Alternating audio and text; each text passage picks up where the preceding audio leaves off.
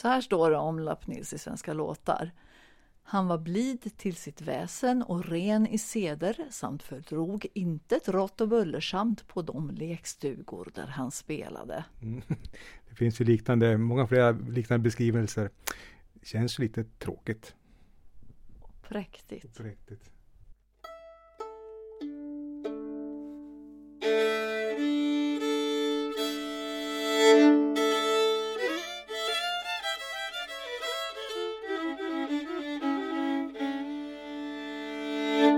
Lappnilspodden. Och, och, inte nog med det, han, han, han beskrivs som en fantastisk pedagog och han var vänlig mot alla. Det, det är verkligen piedestal. Ja, han var nog väldigt omtyckt eh, som spelman. Han var nog en fantastisk spelman också. Eh, och sen tror jag att han, han var nog, som jag förstår, förstår det på alla som berättar, berättat om honom, att han var, han var, han var väldigt trevlig. Liksom. Och jag, man vinner ganska mycket på att vara trevlig.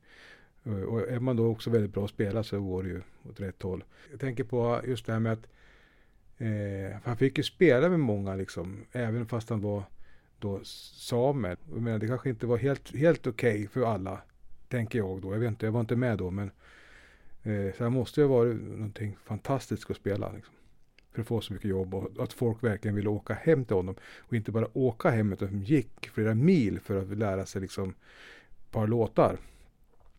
Så han, ja, han var nog väldigt bra. Mm, så det där med hans eh, pedagoggärning ska vi prata mer om i en eh, senare podd eh, också. Men, men det finns ju också historier om hur han om han hade en bröllopsspelning till exempel så, så, så, kunde han komma en hel vecka i förväg och så fick traktens spelmän gå dit och lära sig hans repertoar och hans spelstil. Precis, han, han, eh, oftast fick, man, fick han säkert bokningen ett, år innan också. Och så fick han gå dit en, en, någon vecka innan. Och då sägs det också att han, att han la fiolerna bredvid varandra och så strök han på fiolerna och så sa han man ska, ska fara sa det henne han sagt. Så Då, då blev det bra spel. Eh, men jag tänker också att det, hans popularitet även idag har ju också att göra med att han var en bra pedagog och lärde ut låtarna.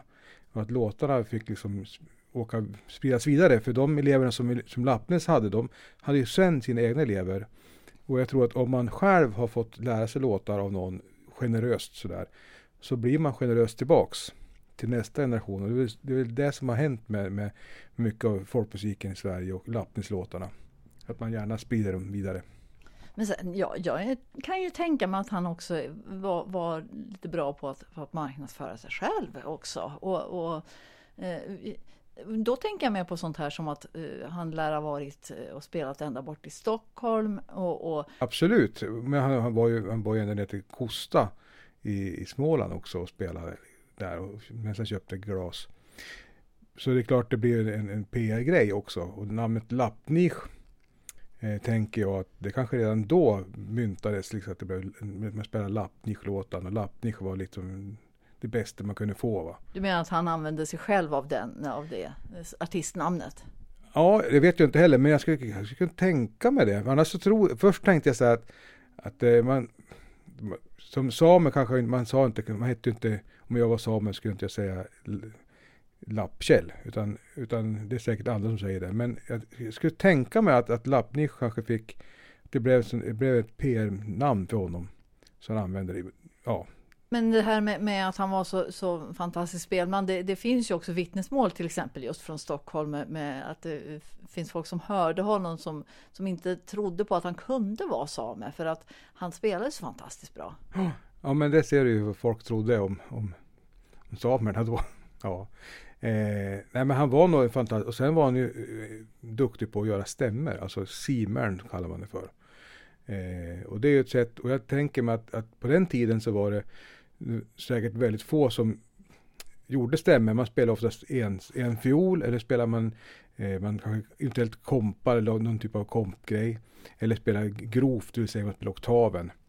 Eh, men jag tror Lappnes hade listat ut det här med att göra stämmer. Att man, det som vi kallar idag för ters och sexstämmer och så här. Att man följer melodin med tre toner ovanför eller tre toner under. Liksom.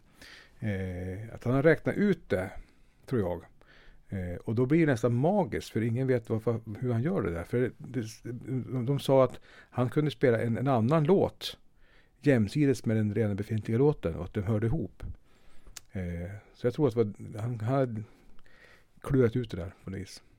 Och eh, då passar det ju bra att spela en låt med, som exempel på fint stämspel. Mm. Vad har du mm. valt då?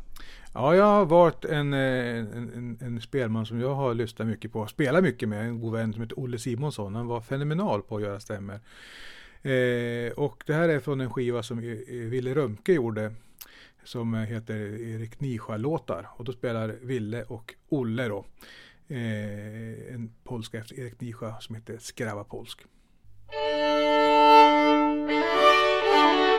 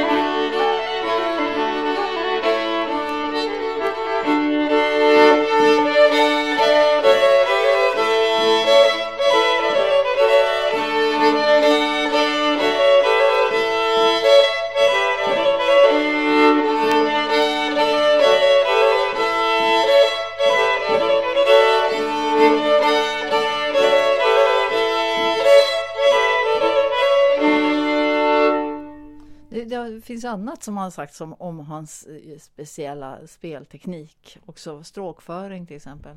Ja, jo, men det sägs också att det var väldigt lätt stråkföring och, och hoppande stråk finns det beskrivet. Och, och sen eh, hade det varit väldigt eh, medgjutande strängar. Och det har också med att han var uppstämd i A-bas.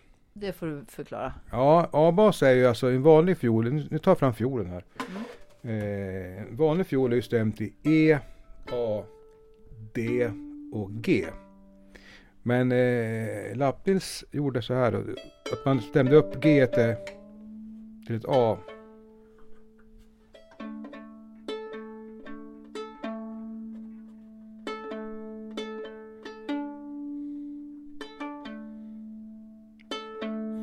Och då klingar fiolen på ett eh,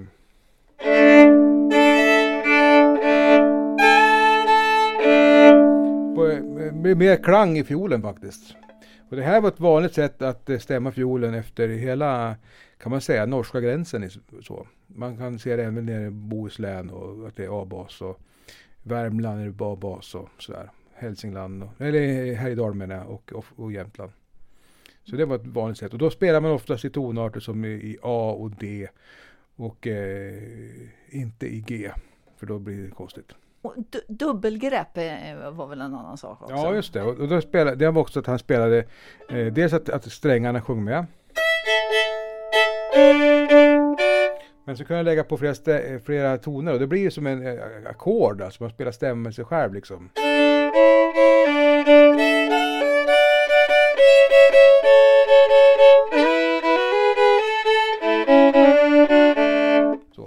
Alltså nu när du spelar, du använder ju ditt lillfinger hela tiden. Såg du det? Och det ja. lär ju inte Lappnissa kunna göra. Nej, nej det sägs att han, eh, han ja, när han var liten så, så skar han sig liksom väldigt i lillfingret så, så, det blev en skada. Det, och det läkte ihop men att eh, lillfingret la sig mot handflatan. Så, så han hade bara tre fingrar att spela med. Ja. Har du försökt? Eh, ska se hur det går. Det funkar ju.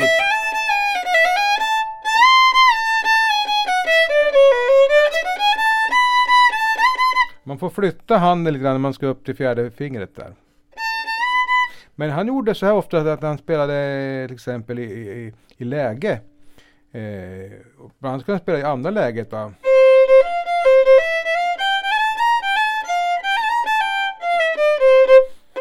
Eh, eller tredje läget flyttar man handen en, en upp, upp hit.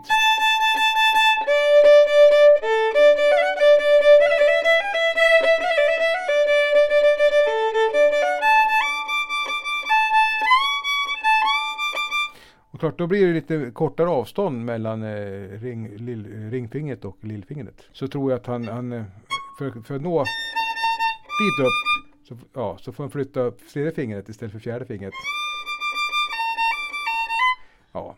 Men, men antagligen så var det ju så att, att det här hände när han var liten och då, då, jag menar, då är det ju så han har lärt sig också. Ja, men precis. Han visste inget annat och då är det ju lätt. Mm. Mm. Mm. Men, men Naturligtvis, en sån skada den ger ju då upphov till, till, eh, till eh, skrönor. Eh, det, det finns ju massor med, med, olika skrönor, det ska vi återkomma till också. Ja, men, men, mm. men alltså den om, om handen, där, där har vi ju något, något sånt där som jo, har sagts. Det, det, stod ju där, jag kan nämna det bara, att det var ju också en historia om att det var någon spelman som, som eh, bröt fingret av honom. För att liksom, ja, så. För att han var så bra? Så ja, att, men ja, visst. Ja. Det finns massa historier om det sånt där. Och det är klart, Eh, man vill gärna ha en bra historia. Mm. Men jag, jag, tror att han, det kanske var så att han skar sig när han höll på att flå en hund. Vad vet man? Mm. Ja, men, men du, um, du nämnde det med, med, med, att spela i läge och, och, och, tanken var väl att vi, vi, vi avslutar det här avsnittet med en, en låt som där, där precis det används. Ja, exakt. Det jättemånga låtar som har just lägespel. Och man kallar dem ofta för lägespolskor. Och jag tänkte att vi skulle lyssna på en inspelning med, med Lekstulaget här där de spelar en, en lägespolska efter Paul Andersson.